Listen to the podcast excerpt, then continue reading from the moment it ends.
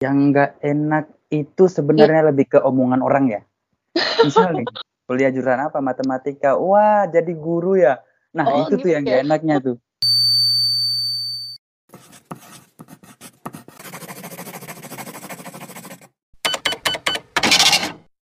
Halo Sobat Panda Berbagi, it's time to ngobrol sana sini.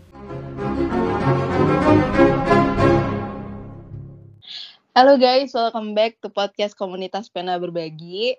Gimana kabar teman-teman setiap pendengar podcast kami? Eh, semoga teman-teman selalu dalam keadaan sehat, teman-teman juga selalu diberikan kebahagiaan dan dikelilingin sama sama orang-orang baik di sekeliling teman-teman semua. Amin. Anyway, kenalin nama aku Farah Hasna Pangesti, biasa dipanggil Farah. Rencananya selama podcast berjalan ini, aku adalah hostnya.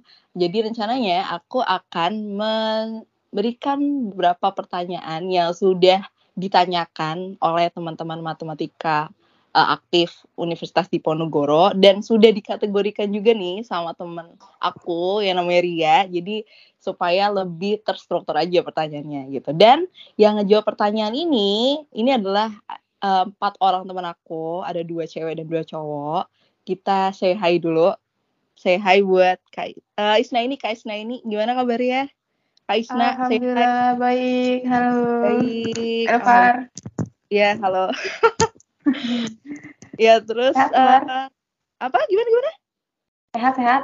Alhamdulillah sehat, alhamdulillah. Oke, thank you. Oke, next selanjutnya ada Kak Leni. Say hi. Halo. Halo, halo Leni. Halo. Gimana kabarnya? Sehat? Alhamdulillah Waras? sehat. Waras. Alhamdulillah masih bertahan kewarasan ini ya. Alhamdulillah ya masih Oke, bertahan. siap. Siap menjawab ya berarti Kak Isna sama Kak Leni nih, dua cewek ini ya.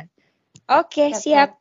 Oke, oke. Lanjut, ada dua cowok. Ini aku mau menyapa dari yang jauh dulu. Ada Kak Rufi. Gimana kabarnya Kak Rufi? Yang lagi di Klaten. Eh, bener kan yang lagi di Klaten ya? Iya, iya Oh, iya. benar Mbak Farah.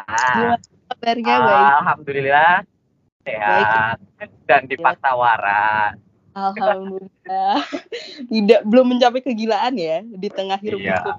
Oke, oke, oke. Alhamdulillah. Lanjut kita sapa dulu dari mm, Mas Mas Mas Bagas. Gimana kabarnya? Alhamdulillah seperti biasa. Alhamdulillah. Tetap Seperti sambat. biasa sih? Tetap sambat di mana pun anda berada.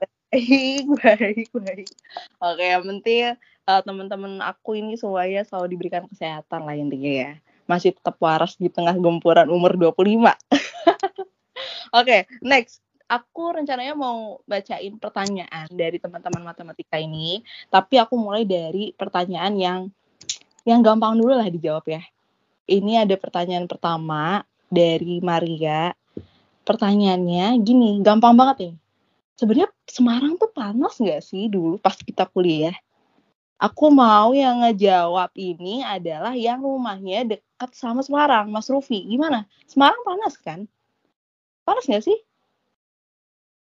Sebenarnya sebenarnya nggak jauh-jauh beda sama Jakarta sih. Cuma Oh. ya ya panas enggaknya sih tergantung kosan teman-teman juga sih. Oke oke oke oke. Tapi emang kalau di emang kalau di bawah itu kadang emang suka panas gitu ya. Tapi kalau Tembalang rada-rada panas, rada-rada adem gitu ya. Iya benar sekali, Far. Oh. Jadi ya kalau sebisa mungkin jangan jangan turun ke Semarang bawah pas siang hari. gitu ya gitu ya oke Iya. oke. Ini ada tips nih pokoknya dari teman-teman pendengar podcast kami. Katanya kalau ke Semarang bawah jangan siang-siang malam-malam aja. Gile. oke udah ya Mas Rufi ya? Oke lanjut nih. Aku mau eh, bacain pertanyaan yang kedua. Ini dari eh, Faris. Faris itu pertanyaan gini. Gimana sih cara yang paling tepat agar kesehatan mental kita itu tetap terjaga di tengah pandemi ini gitu karena kan pandemi lagi mulai naik lagi nih gimana sih uh, kesehatan mental kita tuh supaya terjaga gitu aku mau yang ngejawab adalah dari uh, Mbak Isna ini gimana sih ngejaga kesehatan mental kita gitu di tengah pandemi ini Gimana Mbak Isna? Oke, kesehatan mental ya.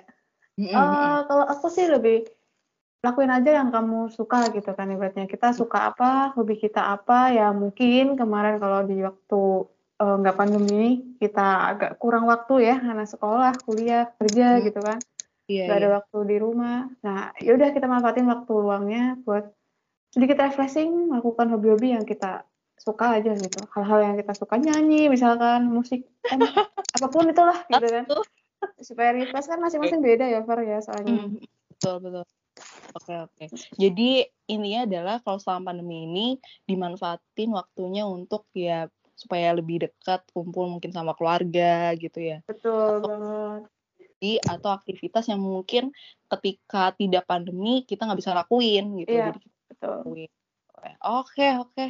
Hmm, udahlah itu aja deh cukup kan. Terus apa lagi nih? Ada lagi pertanyaan? Karena pertanyaan banyak banget ya. Jadi kita perlu nanya eh, punya spare waktu yang panjang gitu kan ya. Jadi kita lanjut aja ke pertanyaan yang ketiga. Ini dari dari namanya tuh dia cuma nulisinnya F doang. Aku nggak tahu deh. Hai buat kamu yang F ini aku nggak tahu siapa namanya. Tapi dia nanya gini. "Hmm, apa sih yang perlu dipersiapkan atau dilakukan selama kuliah? Gitu. Apa sih yang perlu dipersiapin selama kuliah? Oke, pertanyaan ini aku mau jawab. Eh, aku mau jawab. Aku mau tanya ke Mbak. Kira-kira gimana sih Mbak Leni? Kira-kira siap persiapan apa aja sih kalau selama kuliah tuh? Kalau dulu pas kita offline. Hmm, apa ya? Agak Kira-kira- unik ya pertanyaannya. Iya Dulu kalau benar-benar. aku em, sarapan, sarapan Oke. sebelum berangkat. Betul betul. Karena eh, oh tergantung kebiasaan, kebiasaannya Mm, sarapan atau enggak. Kalau misalnya Mm-mm. dulu, kalau misalnya dia tadinya eh, tinggal sama orang tua selalu sarapan, terus sekarang kebetulan ngekos, usahain tetap sarapan biar tetap fokus saat mulai kuliah. Terus Mm-mm. jangan lupa bawa catatan, bawa buku, Betul. buku mata kuliahnya, Mm. alat tulis jangan sampai minjem ke teman sebelahnya. Apakah ada pengalaman terkait hal itu? Ya kayak gitulah ya, kurang lebih. Oke, jadi ya intinya dipersiapin lah ya kalau sebelum kuliah. Ya, kalau emang terbiasa bawa eh, bawa bekal, mungkin bawa bekal ataupun yang sebelumnya eh sering ya sarapan, dipersiapin sarapannya dan yang pasti alat tulis kayak gitu-gitunya tuh harus dipersiapin ya, jangan sampai ketinggalan. Gitu sih. Betul. Mm-mm. Oke, terus eh, lanjut ini ada yang nanya nih. Aku mau nanya ke Mas Bagas. Duh, Mas Bagas, kira-kira ini ada pertanyaan gini. Gimana sih caranya eh, mengembangkan skill selama kuliah gitu? Jadi kita mungkin eh, bagi dua kali ya. Ada kan skills tuh ada hard skill, ada soft skill. Kira-kira kalau menurut Mas Bagas tuh gimana sih cara ngembangin skill-skills itu tuh selama kuliah? Oke, pertanyaannya lumayan bagus ya, lumayan visioner ya. Betul. Nah, yang pertama kalau kita berbicara tentang skill tadi benar seperti kata Farah ya, ada dua, ada hard skill sama soft skill. Nah, itu kalau di masa kuliah yang bisa yang bisa kita lakukan itu yang pertama pasti ikut berorganisasi. Itu Mm-mm. selain kita bisa mengasah soft skill, kita juga secara nggak langsung bisa mengasah menga- mengasah hard skill kita Mm-mm. seperti itu terus kemudian bisa ikut apa namanya pelatihan-pelatihan yang diadakan oleh masing-masing himpunan atau BEM Hmm. atau UKM UKM yang ada di Undip atau di UKM UKM yang ada di kampus seperti itu terus mungkin bisa juga ikut pelatihan-pelatihan yang diadakan dari luar kampus mungkin Oke. itu aja sih jadi intinya adalah kalau misalnya mau mengembangkan soft skill atau hard skill, beberapa dari organisasi yang diadakan universitas tuh biasanya menyediakan itu ya. Kalau misalkan di matematika kan ada himpunan matematika kan ya, Mas Rufi ya, Mas Bagas, bener kan ya? Mbak betul betul ini. heeh, heeh. Jadi eh, dari situ mungkin bisa ngembangin hard skill gitu. Terus soft skillnya mungkin ada ikutin pelatihan tadi ya Kak Bagas ya. Jadi bisa eh, dari situ bisa mengembangkan soft skills-nya, ikut pelatihan-pelatihan yang sekiranya sesuai sama yang kalian ingin kembangkan kayak gitu. Mungkin ada lagi nggak ada yang mau menjawab mungkin dari Mbak Isna? Uh, Oke, okay. kalau dari aku sih yang aku pernah alamin, aku merasa ada banyak perubahan dalam diri aku tuh di hmm. di skillku ya. Itu karena aku banyak banyak mencoba ikut lomba sih. Dari situ tuh oh, okay, aku tuh iya. yang agak kurang minder, masih kayak minder gitu kalau ketemu orang. Di situ kan aku dituntut kan untuk ketemu orang dari luar Jawa dan segala macamnya itu itu uh, ini banget sih berguna banget buat aku. Mm-hmm. ikut-ikut lomba-lomba gitu ya itu benar-benar juga nggak cuma mengasah soft skill tapi itu juga mengasah hard skill kita oke okay. mm. mm, terus um, lanjut kalau menurut iya, aku iya, iya. oke okay. uh, uh, oke okay, boleh silahkan kalau, jawab. Oke okay, lanjut. Kalau menurut aku uh, yang paling penting itu punya banyak teman sih. Karena pas kuliah kan okay, okay, di bener -bener. situ banyak banget anak-anak muda. Maksudnya hmm. masih seumuran nggak beda jauh paling beda satu tahun di bawah atau kakak tingkat. Banyak banyakin relasi banyak banyakin pergaulan. Karena dari situ selain kita lebih mengenal karakter orang-orang kita lebih mengenal diri kita sendiri itu sih okay. yang paling penting kalau menurut aku Oke oke oke oke. Jadi memang benar-benar mengembangkan skill selama kuliah ini bisa ditempuh lewat jalur apa aja ya. Misalnya kita ikut organisasi, dengan ikut organisasi, dengan ikut lomba juga kita bisa jadi nambah relasi. Karena kadang kadang ada beberapa organisasi yang ataupun lomba yang uh, mengikut sertakan pesertanya itu dari beberapa jurusan lain atau beberapa fakultas lain. Ya, akhirnya bisa nambah relasi juga gitu. Gitu ya, Mbak Leni ya. Ya, betul betul. Oke, gitu deh bandnya kira-kira kurang lebih teman-teman semua. Lanjut, next kita ada pertanyaan dari Nila. Pertanyaan Nila tuh unik banget nih gini. Jadi uh, dia nanya, sebenarnya apa aja sih enak dan tidak enaknya kuliah di jurusan matematika untuk prospek ke depannya gitu. Jadi sebenarnya matematika, jurusan matematika itu apa sih sisi positif dan negatifnya untuk prospek ke depannya? Aku mau yang ngejawab ini dari Mas Rufi dulu. Mas Rufi, jadi enaknya apa kalau di jurusan matematika untuk prospek ke depannya?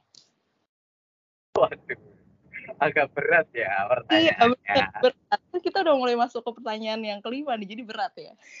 Uh, gimana ya? Ini ini ini menurut pendapat saya pribadi okay, okay. Uh, untuk kuliah di matematika sendiri enaknya adalah uh, teman-teman diajarkan untuk bagaimana berpikir logis, terus bagaimana berpikir terstruktur. Dan itu menjadi nilai plus untuk di beberapa perusahaan-perusahaan, terutama perusahaan-perusahaan yang uh, mempunyai banyak data di dalamnya, okay. kayak gitu. Mm-hmm. Uh, cuma nggak enaknya mm-hmm. Ini ini sebenarnya nggak nggak nggak cuma di matematika aja ya tapi hampir yeah, yeah. di semua hampir jurusan, di semua gitu. jurusan Betul. eksak jurusan murni oke okay.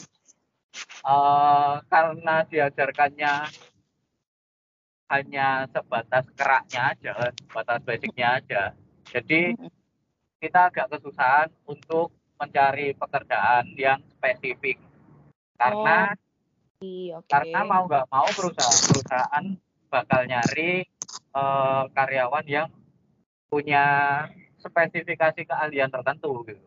Mm, Sedangkan di matematika di matematika kalau mm. misalnya teman-teman nggak mau ngembangin apa yang sudah teman-teman pelajari, okay. ya teman-teman akan stuck di situ itu aja cuma kalau misalnya teman-teman mau dan uh, ya at least mau lah untuk mm. ngembangin apa yang sudah teman-teman pelajari mm. ya banyak kok peluang-peluang yang ada dari jurusan matematika kayak gitu okay, mungkin itu okay. aja sih dari aku mm. oke okay. Oke, itu kalau pendapatnya dari Mas Rufi. Kalau dari Mas Bagas, kira-kira gimana Mas Bagas? enak sama nggak enaknya jurusan matematika itu gimana sih untuk ke depannya? Yang nggak enak itu sebenarnya yeah. lebih ke omongan orang ya. Misal nih. omongan misal di, ya? Iya ditanya. Uh. sekarang kuliah ya? Uh -uh. Iya bu. Kuliah jurusan apa? Matematika. Wah jadi guru ya. Nah oh, itu gitu tuh yang ya? gak enaknya tuh. Ketika orang-orang oh, okay. berpikir wah kalau kita ju apa namanya kuliah di jurusan ilmu murni itu hmm. pasti nanti akan menjadi guru. Yang gak enak itunya. Hmm. Kalau yang enak mungkin kurang lebih tadi sama seperti apa yang sudah Mas Rufi uh, katakan tadi ya. Kurang lebih seperti itu. Benar benar kita di matematika ini dilatih untuk bisa berpikir uh, secara sistematis secara logis. Karena di beberapa bukan di beberapa bahkan mungkin semua perusahaan itu membutuhkan pola pikir seperti kita yang yang mana itu berguna untuk menganalisa sebuah data yang ada di perusahaan tersebut. Seperti itu. Kalau dari oh. saya seperti itu Oke, jadi memang pasti di setiap jurusan tuh pasti ada sisi nggak enaknya, ada sisi enaknya. Yang penting kita bisa mengelola si nggak enaknya itu supaya jadi enaknya gitu ya. Jadi bisa melihat sisi mungkin yang kurang bagusnya dari jurusan matematika uh, murni jadi hal yang lebih positif gitu.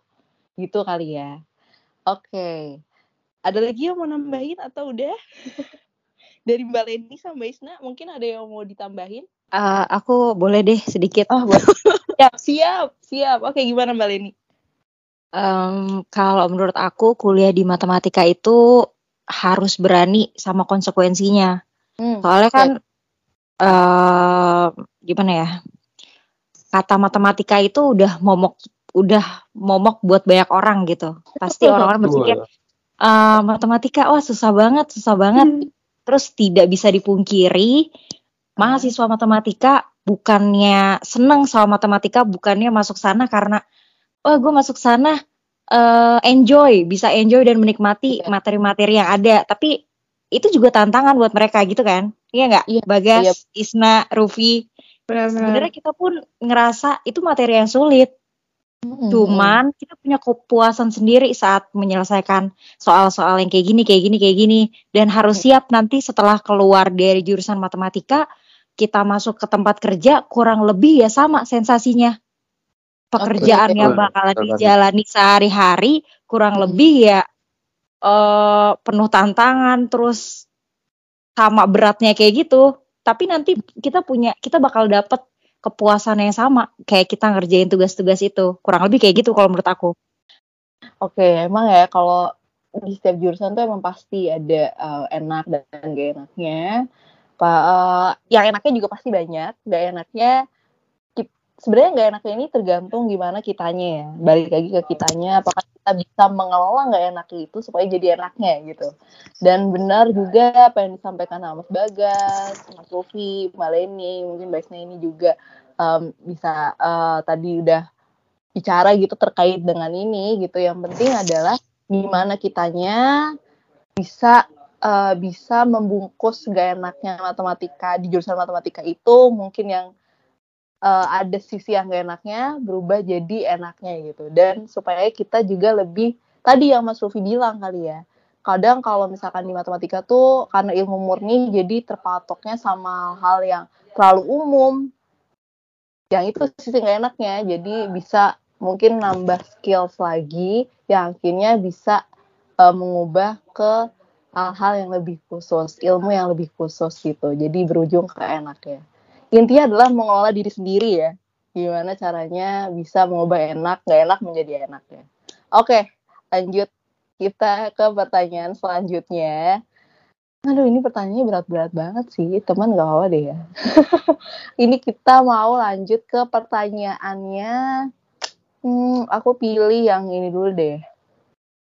Dari uh, Salsabila.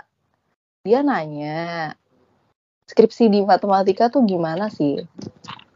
Gitu. Mungkin kebanyakannya apa kali ya? Pertanyaannya mungkin uh, di matematika tuh skripsinya kebanyakan tentang apa ya? Aku mau nanya dari Mbak Isna ini deh. Mbak Isna ini tuh skripsinya tentang apa?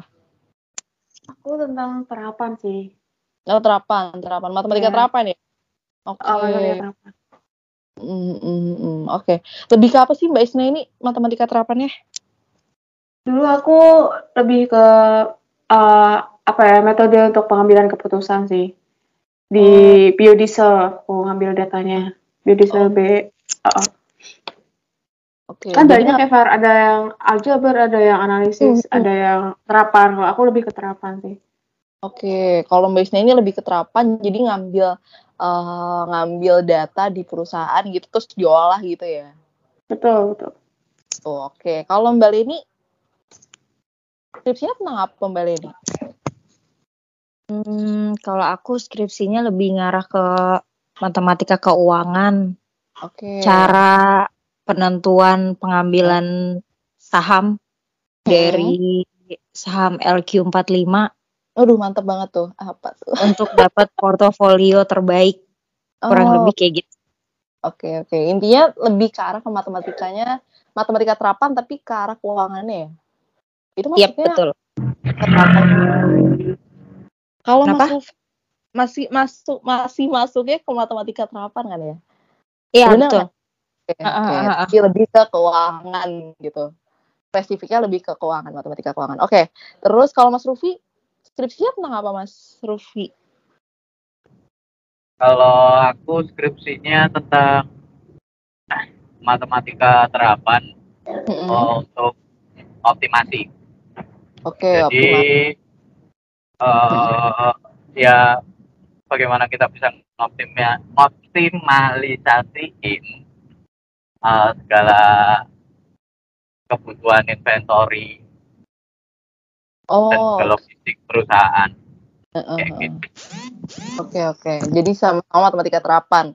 Kayaknya kalau aku yang beda tuh emang Mas Bagas deh ya. Mas Bagas tuh apa sih aljabar apa analisis sih? Aku lupa deh. Kan kita sama Mbak Farah, sama aljabar. Ya? Iya, betul. Beda dulu ya. mm, Kayak Mas Bagas berarti aljabar ya? Okay. Iya, lebih ke matematika murni analisis aljabar. Nah, gimana? Aku mau lanjut aja nih pertanyaan Salsabila ada nanya, Mas Bagas, gimana sih caranya efektif bikin skripsi yang temanya tentang aljabar? Apa? Bisa diulang? Gimana cara ngerjain skripsi yang efektif, terus mm -hmm. untuk yang materinya tentang aljabar gitu tuh, karena kan aljabar tuh ya meskipun nggak ngambil data tapi kan kita lewat jurnal ya. Nah gimana sih cara cool. efektif buat skripsi kayak gitu tuh? Kalau efektif uh, kalau dari aku pribadi ya dulu ya. Mm. seminimal mungkin uh, setiap hari harus buka laptop dan mengerjakan. Okay. ya nggak nggak mesti harus selesai satu bab sih. Yang penting udah ada keisi satu dua baris ataupun satu dua teorema itu udah merupakan progres yang baik ya Terus okay. sama jangan pernah malu untuk bertanya sama hmm. orang lain. Soalnya dulu pengalaman aku pribadi sampai nanya ke dosen UNES, nanya sama anak IPB sama ke UGM. Kayak oh, gitu. Soalnya emang iya di Undip belum ada referensi terkait judul yang aku ambil kayak gitu. Hmm, Oke, okay. berarti catat ya buat teman-teman pendengar podcast kita kalau misalkan efektifnya cara ngerjain skripsi, cara efektifnya ngerjain skripsi adalah sebisa sebisa mungkin seminimal mungkin adalah uh, setiap hari harus bisa ngerjain sehingga buka laptop baca buku uh, bab pertamanya atau bab keduanya mulai buat ngerjain skripsi nanya-nanya ke teman-teman nanya ke dosen jangan malu bertanya dan jangan malu untuk meminta tolong kali ya ke teman-teman kita juga gitu kan ya dan pastinya bimbingan ya Ya, pastinya bimbingan ya. Percuma ya ngerjain kayak gitu nggak bimbingan ya, Mas Bagas ya. Betul, betul. Oke. Terus aku lanjut pertanyaannya ini ada juga sih dari uh, apa dari Mila. Kalau keluh kesannya ngerjain skripsi itu apa aja? Aku mau jawab dari uh, Mbak Isna deh. Habis itu Mas Rufi ya siap-siap ya. nah dulu keluh kesah ya. Keluh kesah ya. Kalau aku sih dulu uh, banyak kesannya sih sebenarnya bukan keluh ya karena kalau dikeluhkan ya gak ada habisnya sih sebenarnya tapi memang kesannya ada yang kurang enak kayak gitu kan karena ya kita tahu kalau kita dapat pembimbing kadang ada yang sangat sibuk seperti itu kan. Beliau-beliau juga punya kesibukan yang luar biasa. Ya kita yang harus benar-benar selalu semangat nih buat buat ngejar-ngejar nih kan ibaratnya kayak gitu ngejar buat bimbingan terus okay. berdiri di depan nungguin di depan ruangan beliau kayak gitu kan. Hampir okay. ya setiap hari kayak gitu kan semasa skripsi. Tapi emang itu tuh uh, dapat banget sih sekarang nih aku ingat itu tuh kayak aduh aku pengen ngulangin tapi aku nggak pengen skripsi sebenarnya gitu. Ya baiknya ya. Mm -mm. ya itu jadi hal yang benar-benar berkesan. Oke okay. yeah, emang benernya ya dia ngerjain skripsi uh, apa namanya nunggu dosen dan segala macamnya yeah gitu. Tapi ya jadiin happy aja ya kan bareng bareng sama teman-teman ya. Betul betul. Dan, dan memang kalau skripsi ya, emang ya kalau skripsi memang apa ya uh, menurutku hal yang bisa jadi suatu satu jadi bumerang buat mental kita juga tapi hmm. tapi suatu saat bisa jadi kayak semangat yang menggelora gitu nah itu belum harus oh. hati-hati banget sih menjaga mental kita sih waktu iya, skripsi iya, iya. Oke oke oke. Ya emang sih ya kadang kalau misalkan kita lagi nungguin dosen. Ya, kadang kan, aduh gimana uh, sih gitu kan. Uh, udah kesel aku nggak datang datang, udah nunggu lama gitu ya. Tapi ya. kadang kalau udah datang udah ditungguin Pak mau bimbingan. Bentar ya saya mau rapat. Ah, oke okay, Pak. Pengalaman ini banyak pengalaman. Nih. ya kurang lebih gitu lah pernah. Siapa tuh Is? kayak pengalaman ini terus kalau Mas Rufi kira-kira kira-kira sepakat nggak kalau kesahnya kayak gitu oh karena karena aku dulu skripsinya lama mm -hmm. jadi uh, kepentok pas apa apa namanya PSBB oh pandemi eh, apa sih pandemi Uh. Jadi apa skripsinya untuk oh. bimbingannya online. Uh, uh, I see. Oke. Okay. Ya gimana ya? Untuk keluh kesahnya, mm -hmm. karena kan itu dulu bimbingannya online ya. Mm -hmm. Terus sedangkan ya baru pertama gitu loh, oh, mm -hmm. apa namanya ngejama untuk bimbingan online Mm. Gak gitu, nggak tahu bagaimana proses bimbingan online dan ya akhirnya aku telantarin itu skripsi satu setengah tahun kalau nggak salah. oh gitu. Oh. Ya. Okay. Uh, eh, padahal sebenarnya kalau misalnya mau kita kerjain itu skripsi nggak nggak nggak nggak susah sama kok maksudnya maksudnya hmm. bener yang dikatain Mas Bagas skripsi itu tinggal bagaimana kita tinggal bagaimana kita uh, memprogres mm-hmm. draft skripsinya itu mm-hmm. untuk per hari atau ya paling nggak tiap minggunya ada progres lah. Oke okay, oke. Okay. Sedikit. Oke okay, emang kalau misalkan jadi nggak nggak terlalu berat. Oke okay, uh, mm.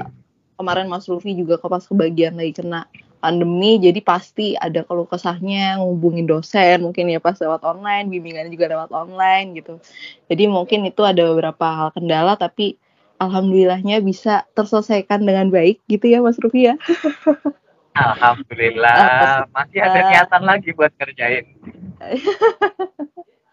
Oke yang penting bener. Yang penting catat ya buat teman-teman setiap pendengar podcast kami. Skripsi itu dikerjain jangan cuma diliatin aja. Nggak akan selesai oke? Okay? bener ya? Dan harus bimbingan juga ke dosen-dosen gitu. Oke okay. terus lanjut ya, pertanyaan selanjutnya. Uh, dari aku nggak tahu nih namanya siapa tapi dia nulisnya kepo ya buat kamu si kepo yang nulis pertanyaan ini terima kasih ya. Aku mau nanya ke Mbak Leni. Mbak Leni pertanyaan itu gini. Sebenarnya tips cepat lulus dengan kumpul tuh apa sih? Oh. supaya lulus udah lulus cepet gitu terus kumlot lagi. Aduh itu jadi dambaan setiap ibu-ibu kayaknya ya. Setiap orang tua gitu kali ya. Oke okay, gimana tuh Mbak Eits, siapa nih yang penasaran sama jawaban pertanyaan tadi? Jangan ke mana-mana ya, karena jawabannya ada di part berikutnya loh. So, stay tune terus di podcastnya Pena Berbagi ya. Jangan lupa support dan follow IG kita di @pena_berbagi. See you di podcast selanjutnya. Tetap jaga kesehatan dan jangan lupa catat jejak kebaikan bersama Pena Berbagi. Bye-bye!